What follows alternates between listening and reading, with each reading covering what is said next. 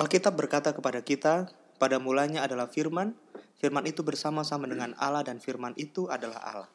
Terimalah dengan lemah lembut firman yang tertanam di dalam hatimu yang berkuasa menyelamatkan jiwamu. Bergabunglah bersama dalam program belajar sekolah sahabat GMHK Menteng. Pelajaran sekolah sahabat kita bertema masa-masa keluarga. Salam saudara, di mana pun saudara berada, senang sekali kita boleh kembali bersama dalam program belajar sekolah sahabat. Saya yakin saudara-saudara diberkati dengan setiap rekaman rangkuman pelajaran sekolah sahabat. Dan saya yakin pula kehidupan saudara semakin dipenuhi dengan sukacita.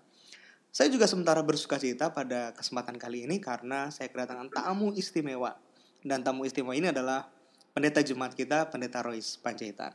Saya sapa dengan kasih, shalom Bapak Pendeta. Shalom Pendeta Dedi. Saya berharap pendeta dalam keadaan tubuh sehat.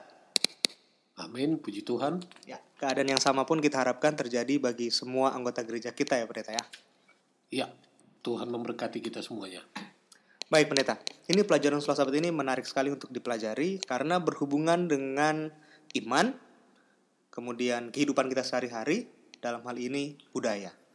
Mungkin perlu di, di boleh nggak pendeta diringkaskan sedikit saja apa sih poin utama yang kita dapatkan ketika kita belajar pelajaran sekolah sahabat sepanjang minggu ini, pendeta? Pertama kita harus mengetahui bahwa kita sebagai manusia yang hidup di dunia ini tidak terlepas namanya dari budaya. Karena bagaimanapun budaya merupakan bagian dari perjalanan sejarah kehidupan manusia semenjak manusia itu jatuh dalam dosa hingga saat ini. Namun persoalan yang muncul adalah ketika budaya itu lebih tinggi daripada keyakinan iman yang kita miliki saat ini itu sebabnya pelajaran sekolah sahabat kita saat ini memfokuskan, mengarahkan pikiran kita untuk tidak terpaku kepada budaya-budaya menghambat iman kita dan meninggikan hukum Allah daripada budaya itu sendiri. Ah, ini menarik pendeta. Kalau begitu, iman harus lebih tinggi dari budaya. Lalu muncul pertanyaan pendeta. Sementara itu kita hidup di dunia yang tidak bisa lepas dari pengaruh budaya itu sendiri. Pak Pendeta dari Sumatera, saya dari Jawa, saya besar di Manado, maka budaya-budaya ini melekat secara tidak langsung dalam kehidupan saya. Lalu bagaimana kita bisa menyeimbangkan hal ini? Sementara kita tahu budaya itu mengikat bukan hanya saya, tapi juga keluarga saya, komunitas saya, bahkan gereja pendeta.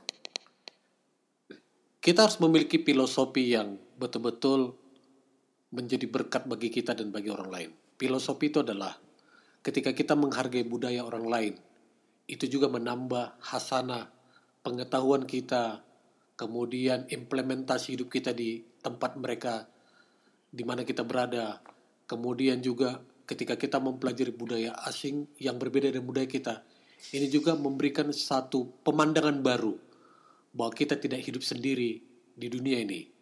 Nah, yang menjadi persoalan adalah ketika terjadi benturan-benturan, itu disebabkan oleh karena kita datang memaksakan budaya kita yang tidak sesuai dengan budaya orang lain. Hmm. Itu sebabnya ketika budaya ini menjadi benturan yang membawa permusuhan, kemudian perpisahan, apalagi di antara umat-umat Tuhan, itu tidaklah baik. Namun, mengenal budaya untuk mempersatukan itu adalah indah. Bayangkan, misalnya saya memberikan satu statement. You can choose any color, hmm. but black. Ah, Oke. Okay. Bisa bayangkan? Kita bisa membeli mobil warna apa saja. Kita bisa membeli pakaian warna apa saja.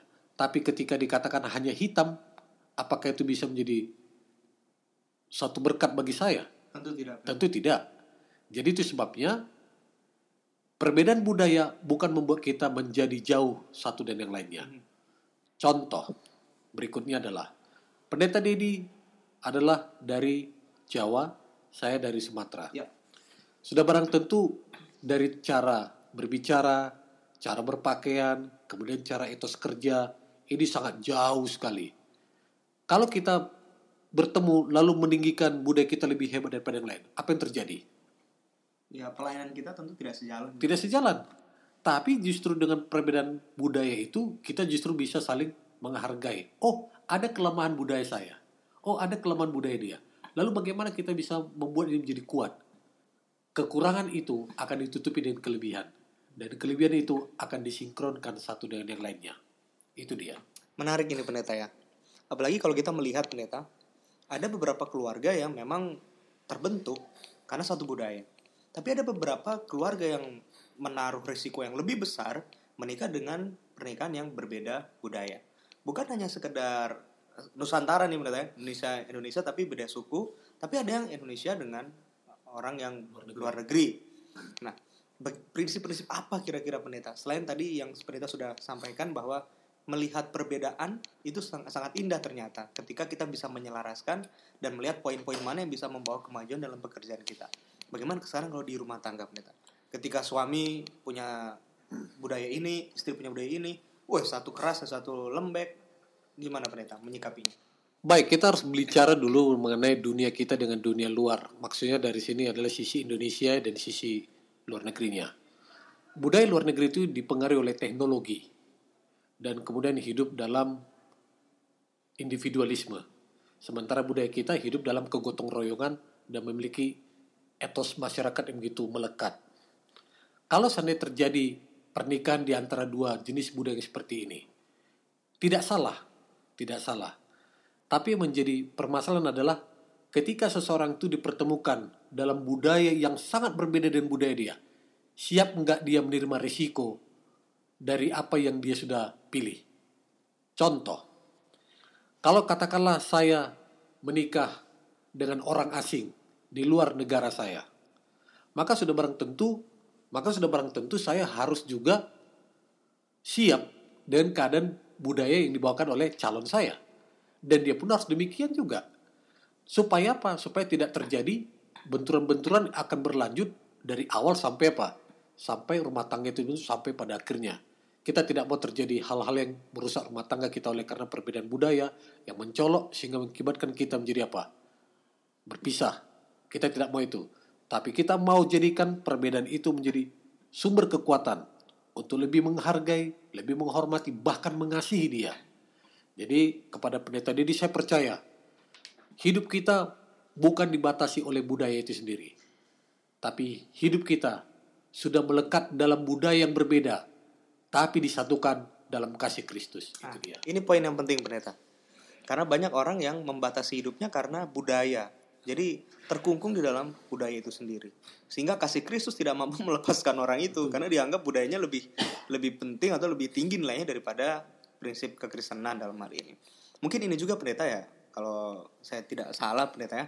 Ini juga mengapa Tuhan mau umat-umatnya bangsa Israel menikah dengan sama-sama bangsa Israel. Dalam contoh hal ini Simpson pernikahannya dengan perempuan-perempuan yang bukan Israel tidak berkenan di mata Tuhan. Begitu pendeta. Iya. Sangat setuju sekali.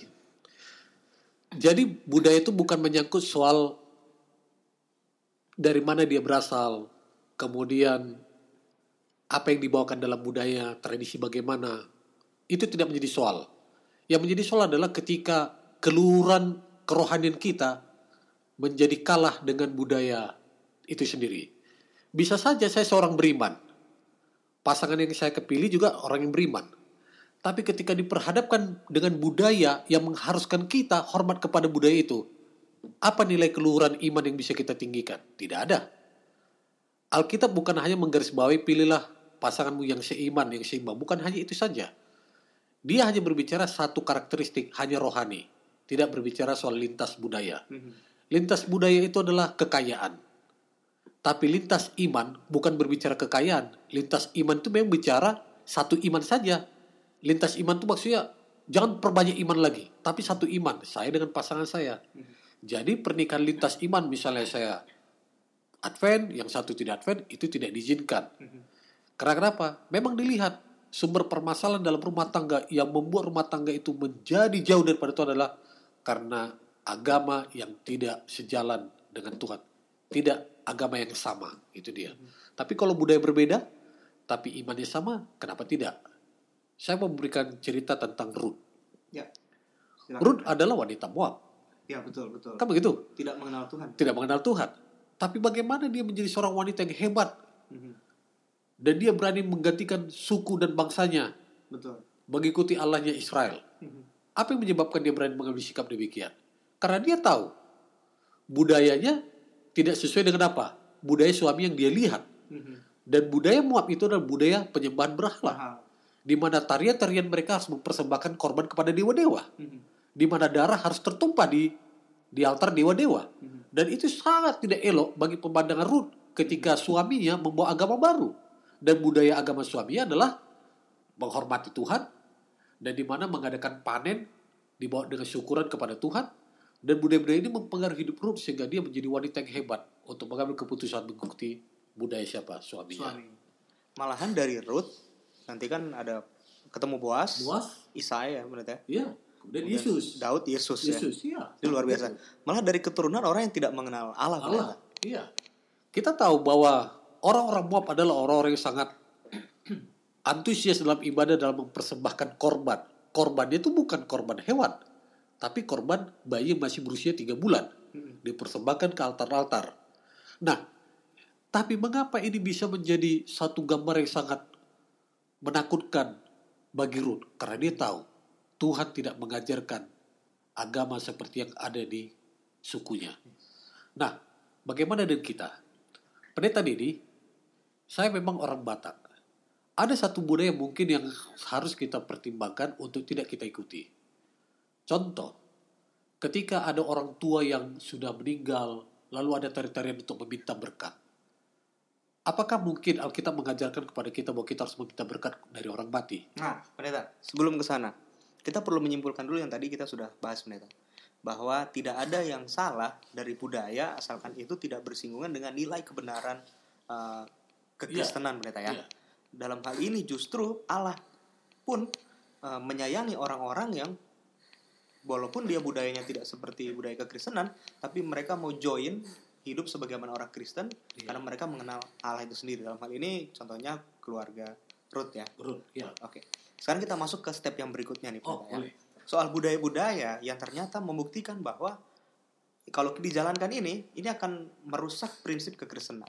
Seperti contoh tadi Pak Pendeta sudah sampaikan tarian untuk menghormati keluarga kita yang sudah sudah mati, Pendeta. Silakan, Pendeta. Ya, jadi dalam budaya Batak ada namanya meminta berkat dari orang mati.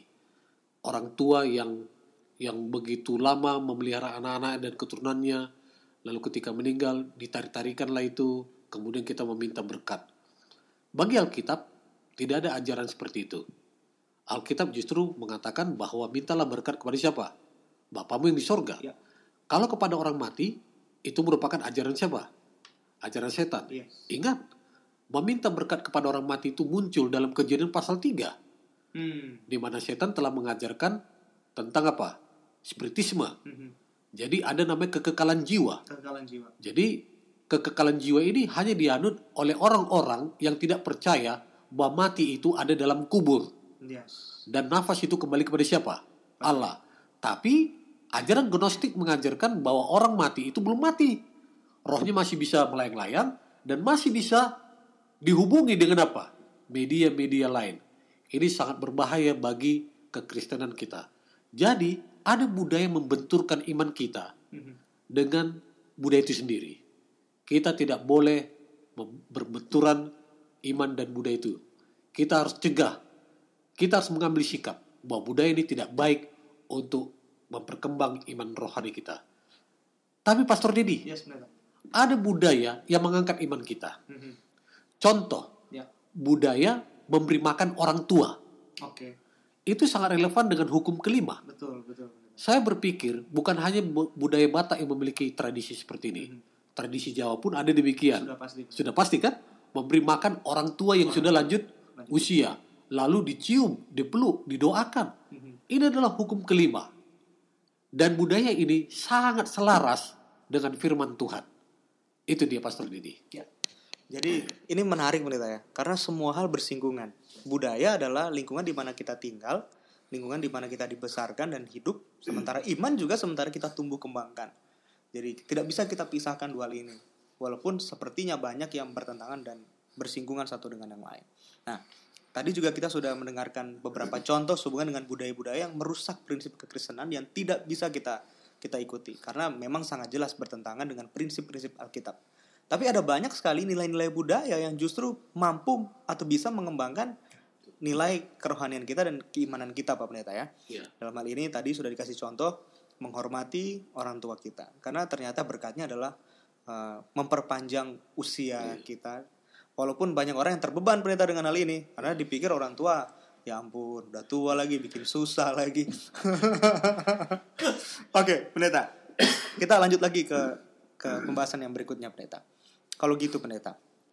Ketika kita bisa melihat uh, budaya-budaya ini bisa kita terapkan mana yang baik sesuai dengan prinsip kekristenan. Sayangnya budaya-budaya ini nantinya akan bergeser seiring dengan perkembangan zaman. Zaman maju, mau tidak mau budaya pun pasti ada yang bergeser. Tapi ada yang tidak pendeta.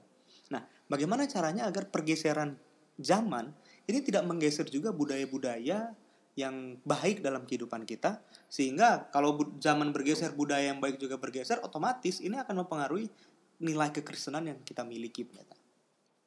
Baik, kita harus mengetahui budaya itu lebih kuat di desa daripada di kota. Oke. Tradisi kekeluargaan itu lebih melekat di desa daripada di kota. Kemudian semangat kebersamaan untuk mengenal lingkungan itu lebih kuat di desa daripada di kota. Namun nilai-nilai seperti ini bergeser ketika berkembangnya zaman dan teknologi. Sudah bisa dibayangkan bagaimana pengaruh HP, kemudian teknologi televisi. Ini menjadi satu benda yang bisa menjauhkan kita terhadap budaya-budaya yang sangat mengikat tersebut. Namun perlu dipikirkan juga, tidak ada yang salah terhadap teknologi. Iya, betul. Tidak ada juga yang salah dengan budaya yang terkikis. Betul. Budaya terkikis itu oleh karena terjadi fenomena terhadap gaya hidup manusia itu sendiri. Hmm. Kalau saya di dalam hidup saya di desa itu begitu melekat mengenal lingkungan saya, lalu di kota besar kenapa saya bisa cuek? Hmm. Yang salah mana? Berarti orangnya kan begitu kan? Nah itu sebabnya budaya itu tidak akan bisa terkikis kalau hal-hal yang baik dibawa dari asal ke Di- tempat yang ber- dihidupkan terus, Men, ya? dihidupkan terus. Ini menjadi satu hal yang sangat luar biasa. Jadi budaya yang melekat di desa seperti yang saya sebutkan contoh itu dibawa ke kota, Hmm. kalau terus dihidupkan itu akan menjadi satu hal yang baik. Baik. Saya pikir itu dia. Sesuai penjelasan pendeta yang barusan ini, saya langsung terpikir pendeta soal kisah hidup Daniel dan teman-temannya. oke. Ya kan pendeta kan? Bener Betul. kan? Jadi saya yakin pendengar di mana pun berada sementara memikirkan hal yang sama pendeta. Kalau lagi nggak mikir ya coba tolong Iya. pikirkan hal ini. Daniel dan teman-temannya. Bukan hanya mereka berempat saja yang dibawa ke pembuangan, banyak orang di banyak. sana. Banyak. Tapi kenapa Alkitab menyorot hanya mereka berempat? Karena memang hanya mereka berempat yang punya integritas ini kan pendeta kan? Iya. Mereka mempertahankan budaya. Maksudnya mereka di Babel, tapi mereka orang Ibrani Iya. gitu. Seperti tadi pendeta bilang, walaupun saya orang desa, begitu saya hijrah ke kota, migrasi ke kota, bukan berarti nilai-nilai budaya yang saya miliki di desa harus hilang begitu saja karena saya tinggal di kota. Dan yang pentingnya poin besar tadi pendeta, yang tadi pendeta sudah sampaikan, iman itu juga tidak lun- luntur. Seperti Daniel dan teman-temannya. Nah pendeta, mungkin lebih lanjut lagi pendeta. Kalau begitu pendeta, eh, jika kita melihat situasi ini, tidak sanggup kita lakukan, saya tidak sanggup melakukan hal ini karena mungkin bebannya terlalu besar. Kalau saya tidak sanggup melakukan ini, kemudian saya bisa melihat lingkungan di sekitar saya juga tidak mendukung untuk melakukan hal ini, saya rasa saya orang terasing di lingkungan saya. Mau tidak mau saya akan resikonya nanti saya pendeta, saya akan dijauhi, saya akan dikucilkan. Atau pilihan yang berikutnya adalah supaya saya tidak jadi seorang yang sendiri, saya nimbun, saya ikut join dengan budaya ini. Tapi resikonya iman kekristenan saya bisa luntur. Pendeta. Ya, saya mengerti pendeta Didi. Jadi budaya juga melahirkan tuntutan. Kadang-kadang harga sebuah tuntutan itu melebihi daripada kemampuan kita. Itu betul. Bayangkan saja, sekiranya orang-orang Advent di Toraja Ya. menganut budaya Toraja, dia harus menguburkan orang yang dicintai dengan mengorbankan ratusan banyak korban ah, dari binatang piaraan mereka. Contohnya sapi Yes. atau kerbau. Lalu diundang masyarakat banyak untuk menyaksikan cara itu. Pertanyaan saya adalah, kalau dia mengorbankan itu begitu banyak nilai materinya, tapi tidak menjadi berkat bagi dia. Sementara dia menjadi berkat kalau dia menguburkan orang tuanya tidak mengadakan cara itu. Mana yang kita pilih? Memang ini agak dilematis pendeta. ya. Dilematis. Di mata orang kita dianggap menghargai keluarga, Iya, leluhur. leluhur, Iya. dan bahkan kita sanggup secara Melakukan. oh hal yang luar Iya. biasa kasih makan orang satu kampung ini Iya, hebat loh pendeta. Hebat, iya. Jadi ya di mata mereka mungkin saya melakukan hal yang tepat, Tepat. di mata budaya pendeta ya. Tapi dari nilai kekristenan saya saya takut juga mau menjawab saya takut menjawab bahwa dia tidak sesuai dengan prinsip kekristenan pendeta karena mungkin yang dia pikirkan adalah dengan saya melakukan hal ini Iya. saya menghormati orang tua saya. Ini dilema dilema juga pendeta. Memang dilema, tetapi kita harus mengambil sikap. Kalau seandainya itu menjadi berkat bagi saya untuk tidak mengadakan acara itu, kenapa tidak? Hukum tertinggi dari semua yang mengatur kebudayaan manusia adalah hukum Allah. Yes. Mengapa Daniel, Sandra, Mesak, dan Abednego memiliki budaya yang bisa mempengaruhi seluruh kerajaan Babilonia? Karena dia memiliki budaya yang dibawa dari rumahnya, budaya rumahnya ke tempat pengasingan. Mhm. Apa salah satu contoh budaya yang dibawa Daniel, Sadrak Mesak Abednego ke Babilonia? Tahu pendeta diri apa yang dibawa? Yes. Apa itu pendeta? Budaya Paskah, Oh iya. ya kan? Oke. Budaya Paskah. Budaya Paskah itu itu menjadi pelajaran yang mempengaruhi seluruh kehidupan Babilonia. Mhm. Mhm. Dan Daniel memiliki kebiasaan dia berdoa tiga kali apa? Tiga. Sehari. Dan kiblatnya ke mana? Ke Ke Yerusalem. Pertanyaan adalah, Yerusalem kan sudah hancur. Lalu mengapa dia kiblat ke Yerusalem? Nah kita harus perhatikan, Mhm. inilah budaya di mana mereka harus berhadapan dengan apa? Ka'bah Yes, Tuhan. Yes. Yang kalau yang di Yerusalem. Iya. ya. Jadi ketika dilihat daripada budaya Daniel Sadrak Mesak Abednego adalah kiblat ke Yerusalem, itu juga yang mengharuskan mereka berhadapan dengan budaya baru di Babilonia untuk menyembah patung. Hmm. Budaya menghadap ke patung menggantikan budaya tiga kali doa sehari itu Menghadap- kepada Yerusalem. Nah, sekarang kalau seandainya budaya yang baik itu di tengah-tengah masyarakat luas menuntut seperti itu, sementara mengorbankan iman, apakah Daniel bisa hidup? Ya, re- resikonya memang mati pendeta. Mati. Resikonya mati. Mati. Betul, betul. Tapi kenapa dia bisa hidup bersama dengan tiga Nah, sahabatnya? ini tadi pendeta. Saya mau jawab ini tapi saya agak agak wah, saya takut nanti dibilang, "Wah, kamu terlalu idealis." Karena memang pilihannya itu Iya. mati pendeta. Di mata manusia memang kematian, tapi di mata Tuhan sesungguhnya kematian dunia itu adalah kehidupan. Tidak ada kehormatan yang lebih besar selain kita menghormati Allah daripada budaya itu sendiri. Mhm. Allah memang melahirkan budaya, memberikan budaya kepada manusia. Ya. Tapi budaya itu bukan menggantikan Allah di tengah-tengah Nah, manusia. ini saya harus kasih note ini pendeta. Boleh. Supaya kita bisa memperhatikan baik ini. Allah itu memberikan budaya kepada kita. Karena Allah adalah Allah yang berbudaya, bukan? Iya, betul. Allah yang berbudaya. Jadi karena Allah yang memberikan budaya kepada kita, itu warisan Allah kepada kita. Harusnya budaya-budaya itu tidak mengurangi nilai-nilai kebenaran Iya. dari Allah itu sendiri. Begitu pendeta ya? Iya. Jadi budaya ini melahirkan etika, Nah, oke. ya kan begitu. Budaya juga melahirkan tradisi. Mhm. Contoh budaya etika. Budaya etika itu adalah kita harus memiliki pakaian yang sopan ke gereja. Yes. Kan begitu. Kita memiliki budaya yang beretika tuh kalau kita tidak menggunakan perhiasan. Oke. Kan begitu. Mhm. Lalu bagaimana budaya tradisi menyokong daripada iman rohani kita? Mhm. Oh, budaya tradisi contoh. Tradisi kita adalah memelihara hari Sabat. Ya. Kan begitu. Kita datang lebih tepat waktu, lebih cepat untuk siap mendengarkan firman Tuhan. Mhm. Tapi ada budaya secara budaya kesukuan yang bisa membuat saya lebih dekat kepada Tuhan. Contohnya lagi apa? Contohnya budaya ketika kita ya ada budaya namanya memberi makan kepada anak-anak yang mau bersekolah, Oke. misalnya merantau. Mhm. Ah, ini kan diberi makan dan didoakan. Mhm. Saya pikir pendeta Didi juga mengalami hal yang sama. Yes. Kan ada budaya diantarkan anak ke sekolah ketika merantau kan, gitu kan? Betul, betul. Kemudian didoakan supaya tidak terjadi apa-apa. Ini budaya yang bagus. Malah dibekali lagi. kan? Makanya dibekali dan dibekali dengan firman Tuhan kan gitu kan? Dan dibekali dengan wejangan-wejangan. Kita tidak boleh gerus ini budaya yang seperti ini. Mhm. Tapi budaya yang menjauhkan kita daripada Tuhan kita harus gerus. Mhm. Itu dia. Jadi ada sebuah kutipan pendeta bagus di orang Manado. Oke. Sehubungan dengan budaya yang tadi pendeta baru saja sampaikan. Namanya Sito Timo Tumauto. Tumauto. Ah, Ah, sesuai bandara. ah, Bandara Tumauto. Manado. Samratulangi. Jadi ini bukan karena istri saya Manado, tapi karena saya dibesarkan di sana. Jadi Amin. ni- nilai budaya ini saya hafal terus. Karena waktu pelajaran budaya hanya ini yang saya hafal. pendeta. Sito Timo Betul, Tumauto. betul. Orang hidup menghidupkan Hidupkan. orang lain. Iya. Jadi memang ini tugas yang mulia pendeta. Jadi ada eh, tidak salah dengan budaya, apalagi kalau budaya itu mampu meningkatkan keimanan kita kepada Tuhan. Jadi seperti kehidupan Daniel tadi para pendengar eh, yang baru saja dibahas oleh Pak Pendeta bahwa lingkungan mereka berubah tapi tidak budaya mereka. Iya. Ya kan pendeta? Betul. Eh, Tuhan yang mereka sembah berubah, Iya. tapi Tuhan yang disembah tidak berubah. Wah ini ini luar biasa nih kehidupan Daniel. Dan kita berharap kita semua orang-orang yang tinggal di kota kita tetap membawa warisan budaya desa yang dulu kita Iya. warisi. Atau mungkin yang ada di kota anak-anak muda yang lahir di kota kan mereka tidak merasakan kehidupan di desa.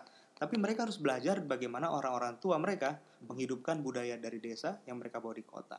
Iya. Atau jangan-jangan para orang tua sudah lupa ini budaya-budaya desa ini. Ini ini hati-hati ini. Perlu kita ini lagi. Nah, kemudian sekolah sahabat pendeta memberikan eh, menyinggung lagi poin yang selanjutnya bahwa hal-hal yang baik ini harus diteruskan kepada generasi yang selanjutnya. Nah, pendeta, ini beban ini bagi para orang tua. Karena banyak orang tua menyadari kelemahan mereka, ketidaksempurnaan mereka.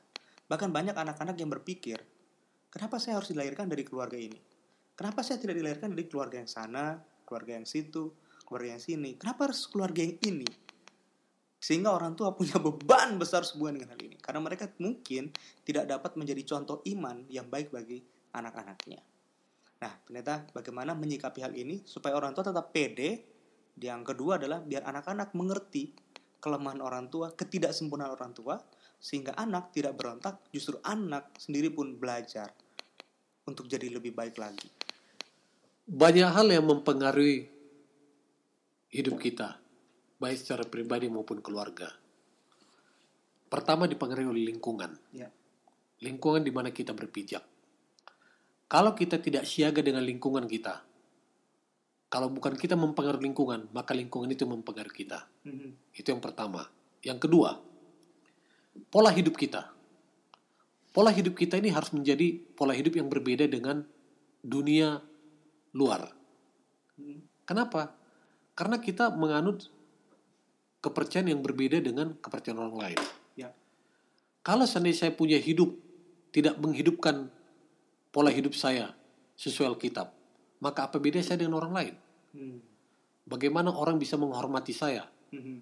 Kan begitu? Ya. Sementara saya pun tidak menghargai agama saya, kan begitu? Ya. Atau pola hidup saya. Dua hal ini perlu diimplementasikan dimulai dalam rumah kita. Oke. Kalau seorang ayah yang baik, ketika dia disebut sebagai imam, tapi tidak menjalankan fungsi imam, bagaimana istri dan anak-anak kita bisa menjabarkan definisi imam itu kepada orang lain? Betul, betul, betul. Kan begitu? Betul. Lalu seorang ibu, kalau kita baca tulisan Ellen G. White dalam rumah tangga Advent, Mhm. bahwa ibu adalah seorang misionaris dalam rumah tangga. Bagaimana seorang misionaris tapi tidak menghidupkan pekerjaan misionaris dalam rumah itu? Bagaimana anak atau suami merasakan pelayanan ibu dalam rumah tangga? Mhm. Dia tidak bisa rasakan. Jadi semua itu dimulai dalam rumah Rumah tangga. rumah tangga.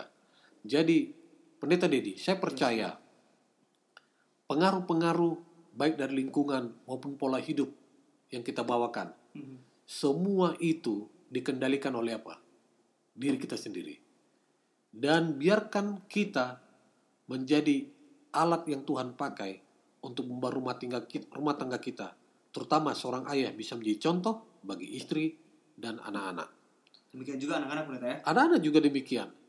Karena anak-anak ini adalah anak-anak yang bisa mengidolakan siapa orang tua mereka. Yes.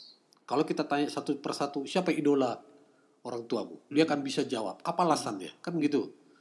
Kalau kita bisa mendengar alasan itu, maka berbahagialah orang tua. Karena bisa dicontoh siapa? Anak-anak. Anak-anaknya. Betul pendeta. Karena waktu kecil kita pun waktu main dengan anak-anak kita banggain banget eh, orang tua kita kan. Sosok orang tua kita. Betul. Wih, bapak gua ini loh. Wih, bapak lu apa? Gimana? Seneng banget kita ya. Tapi kita juga harus menyadari bahwa orang tua kita memang terbatas. Walaupun mungkin mereka tidak sempurna. Atau mungkin itu sudah sesempurna itu mereka dalam menunjukkan contoh iman kepada kita. Tidaklah seharusnya kita menunjukkan sikap pemberontakan terhadap orang tua kita. Begitu pendeta ya. Iya, betul. Saya jadi teringat pendeta kisah di Alkitab di Lukas pasal 15 Oke. dirham yang hilang. Iya, Jadi ibu ini kan pemilik dirham itu Betul. pendeta. Dirham ini kan mas kawin pendeta ya iya. harta yang paling berharga Berharga, bagi ibu ini. Dan harta apa yang paling berharga di rumah? Ya adalah anak-anak pendeta. Jadi bisa saya katakan analogikan bahwa dirham ini adalah anak-anak Betul. warisan dalam rumah tangga. Rumah tangga. Uang ini nggak bisa hilang sendirinya pendeta. Iya. Ini adalah kelalaian si ibu sehingga dirham ini hilang. Karena Iya. dirham benda mati. Betul. Jadi ada beberapa anak-anak yang di rumah hilang oleh karena kelalaian dari si ibu, si pemilik dirham itu sendiri. Salahnya adalah banyak orang-orang tua satu mereka sadar. Anak mereka hilang, namun mereka tidak punya isi- inisiatif seperti ibu ini mencari anak mereka yang hilang. Yang kedua, mereka mungkin sementara tidak sadar bahwa dirham mereka hilang. Hmm. Mungkin pendeta ya, saya bisa katakan mungkin dirham itu mereka miliki, tapi mereka merasa saya punya masih banyak punya dirham-dirham yang lain gitu. Jadi mungkin harta benda saya yang berkilauan itu menutupi mata saya untuk melihat satu dirham yang hilang di dalam keluarga saya. Bagaimana pendeta? Kalau kita memikir- memikirkan sebuah nilai, satu jiwa pun, kata Tuhan, Hmm. berharga bagi dia. Amin. Bahkan dia berani tinggalkan surga demi apa? Satu jiwa. Satu jiwa. Artinya apa? Dalam rumah tangga, kita harus memiliki sikap, memiliki perhatian terhadap nilai satu jiwa. Mhm. Entahkah istri kita, ataukah anak-anak Hmm. anak-anak kita. Rumah tangga kita tuh memiliki nilai. Mhm. Dan nilainya itu tidak bisa diperjualbelikan. Karena keluarga adalah tempat kita berdiam. Ingat, rumah tangga adalah surga kecil di mana? Di dunia. Betul. Tidak ada tempat lain yang menyenangkan selain apa? Tempat tidur di rumah, meja makan di rumah, Mhm. kamar mandi di rumah, ruang tamu di rumah. Tidak ada tempat lain yang menyenangkan kecuali di mana? Di rumah kita. Betul. Coba pendeta Dedi. Hal apa yang paling menyenangkan ketika pendeta Dedi pulang dari pelayanan perlawatan? Waduh. Beban besar pendeta kan? Beban besar. Saya teringat wajah istri pendeta. Satu. yang kedua. Yang kedua ya sampai di rumah kan pasti ditanyain capek. Iya. Wah pasti saya bilang capek. Iya. Sentuhan tangannya itu Iya. ketika di pundak mijit gitu. Iya. Walaupun mungkin ini pendeta ya. Iya. Saya pengen minta kencengin dikit dong gitu kan. Iya. Tapi itu sudah cukup membuat saya aman lega. Puji Tuhan. Feels karena feelings di rumah ya, Iya. feels at home itu Iya. mengalahkan semua. Amin. Puji Tuhan. Jadi saya setuju pendeta Dedi. Rumah benar-benar surga kecil di dunia yang tidak bisa diperjualbelikan. Bayangkan betapa susahnya orang mencari kebahagiaan. Padahal kebahagiaan itu ada di rumah. Padahal di rumah. Coba, mengapa orang mau menghambur-hamburkan uang pergi ke tempat yang jauh? Hmm, Tetapi itu- rumah tidak mendapatkan kebahagiaan. Iya, tetapi itu hanya sesaat. Mhm. Jadi nilai apa pun di dunia ini, berapa besar pun yang kita korbankan untuk membeli kebahagiaan, Hmm. hanya satu kuncinya, rumah tangga kita. Itu sebabnya pekabaran besar sekolah sahabat kita adalah masa-masa keluarga pendeta. Iya, Jadi memang perlu direformasi keluarga kita. Nah, ya, selain ada efeknya dengan lingkungan di sekitar kita pendeta, mau tidak mau ini pasti akan berefek ke gereja kita pendeta. Nah, ini kita sebagai gembala-gembala nih pendeta ya. Nah, selain kita memberikan nasihat, tapi kita juga harus melihat realita yang terjadi di gereja. Budaya memang sangat luar biasa kan di gereja kita pendeta. Banyak keluarga-keluarga yang bisa saya katakan majemuk kan di Iya. gereja kita pendeta ya. Datang dari berbagai macam budaya. Tapi seperti contoh yang sekolah sahabat sampaikan, murid-murid itu Yesus, mereka semua juga datang dari latar belakang yang berbeda dalam hal ini budaya. Tapi ketika kematian Kristus dan kebangkitannya mengubah kehidupan mereka, tiba-tiba saja mereka lupa siapa mereka sebelumnya. Dan motivasi ini yang membuat mereka jadi pekabar Injil yang luar biasa. Nah, pendeta, bagaimana hal ini bisa meresap ke semua eh, apa ya bagian elemen rumah tangga sehingga gereja pun akan mengalami reformasi eh, revival yang luar biasa. Iya, terima kasih Pendeta Dedi. Saya teringat dalam kisah pasal 2 mengenai kecurahan hujan roh kudus. Kan gitu kan. Betapa banyak suku-suku datang Iya, untuk mendengarkan para rasul itu apa? Berkhotbah. Betul. Lalu mereka menyerahkan diri untuk dibaptis. Yes. Seandainya dari suku-suku ini merasa bahwa suku ini lebih baik Mhm, daripada suku yang lain, mhm. apakah itu memang menjadi berkat bagi para rasul ketika mereka dibaptiskan? Betul. pendeta. Tidak, karena Tuhan tidak pernah membuat perbedaan. Mhm. Justru perbedaan itu untuk saling menguatkan. Saling menguatkan. Salah satu pekerjaan setan terbesar adalah menghancurkan gereja melalui rumah tangga-rumah tangga. Mhm. Kalau rumah tangga-rumah tangga ini meninggikan perbedaan, ganti ya persatuan apa yang terjadi? Makanya muncul perpe Perpecahan. perpecahan. Kalau rumah tangga pecah, maka gereja akan apa? Pecah. Mhm. Pendeta Dedi, Yes, benar. di sorga itu banyak suku. Amin. Saya harus amini Iya. pendeta. Karena kalau satu-satu di sorga itu suku Batak doang, saya akan turun.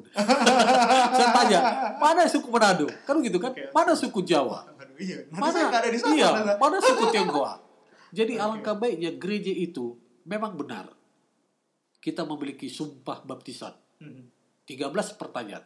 Yes. Dan yang terakhir di- ditanyakan kepada kita sebelum kita dibaptis. Mhm. Apakah engkau mau menjadi bagian gereja yang universal ini? Yes, betul. Yang tidak dibatasi suku, Mhm. bahasa, warna kulit. Wah, luar biasa.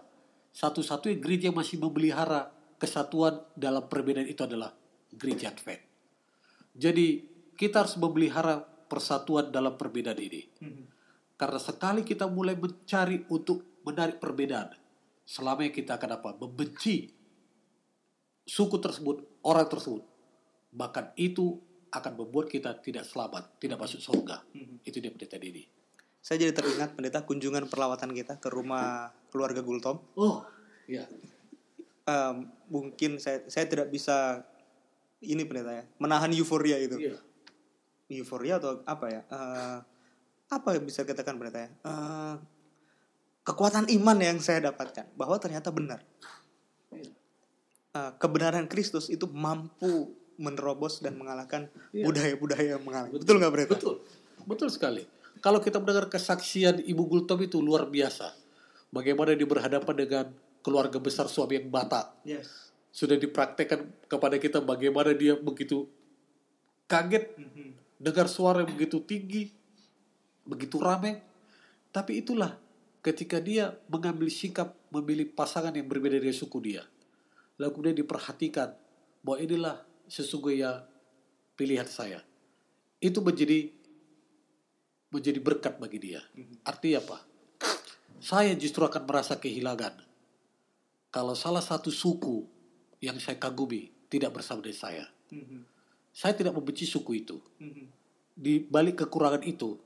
Kita bisa perbaiki satu sama, la, sama lain. Sama-sama lain. Kalau saya lebih mencondongkan suku saya suku Batak lebih dominan, berarti saya tidak akan menikahi istri saya orang apa? Orang Jawa. Orang Jawa. Betul. Tapi karena saya merasa bahwa saya menikahi istri saya dari suku yang berbeda dari saya, di situ ada berkat.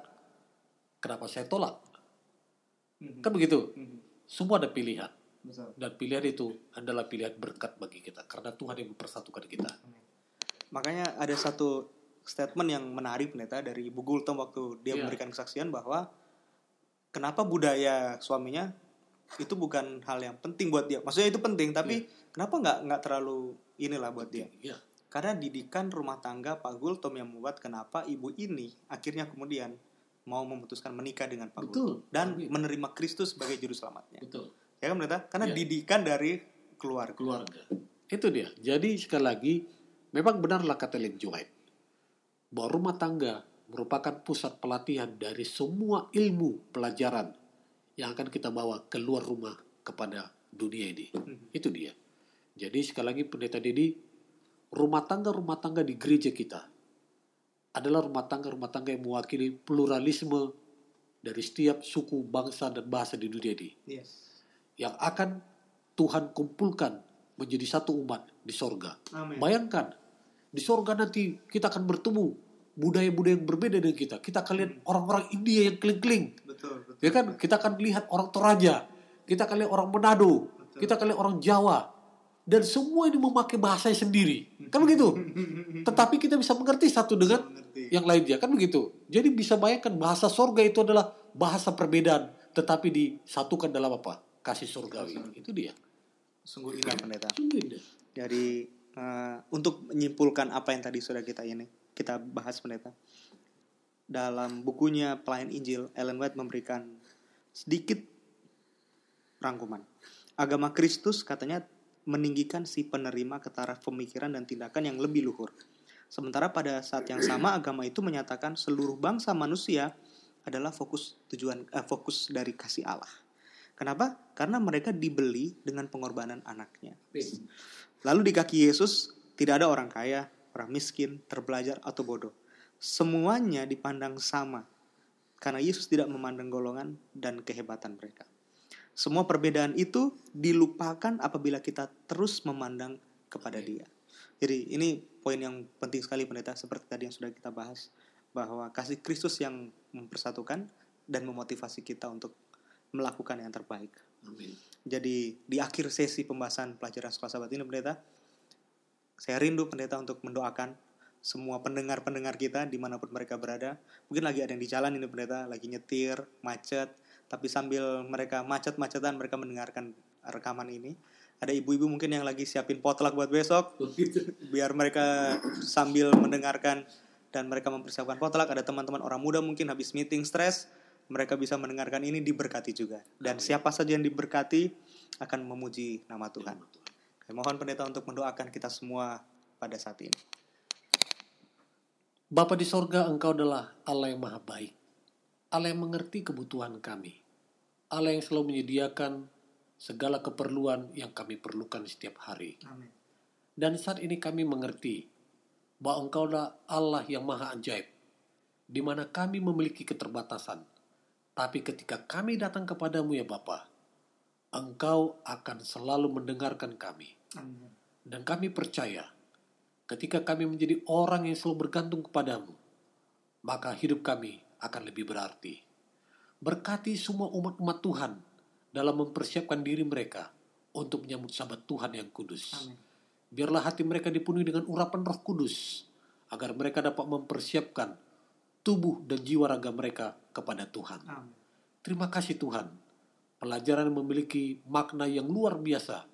Bagaimana kami menjadikan rumah tangga kami, rumah tangga yang ideal sesuai dengan kehendak Tuhan. Ajari kami untuk selalu bertekun setia satu dengan yang lainnya di dalam kebenaran. Ajari kami juga untuk saling menguatkan satu dengan yang lainnya. Ajari kami juga, ya Bapa, untuk dapat saling mendoakan satu dengan yang lainnya. Agar dengan itu semua, maka kerendahan hati akan mengikat kami datang kepada Tuhan dan kami menjadi satu umat yang dapat dipersiapkan menjadi pewaris kerajaan surga yang Tuhan sudah siapkan. Inilah doa dan permohonan kami. Ampuni kami dari dosa dan kesalahan kami Bapa. Di dalam nama Yesus Kristus juru selamat kami. Amin. Amin. Terima kasih Pak Pendeta sudah meluangkan waktunya. Terima kasih saudara-saudara sudah mendengarkan rekaman ini. Jangan lupa untuk terus mendengarkan sesi pembahasan pelajaran sahabat bersama GM Mahaka Menteng. Tuhan Yesus memberkati.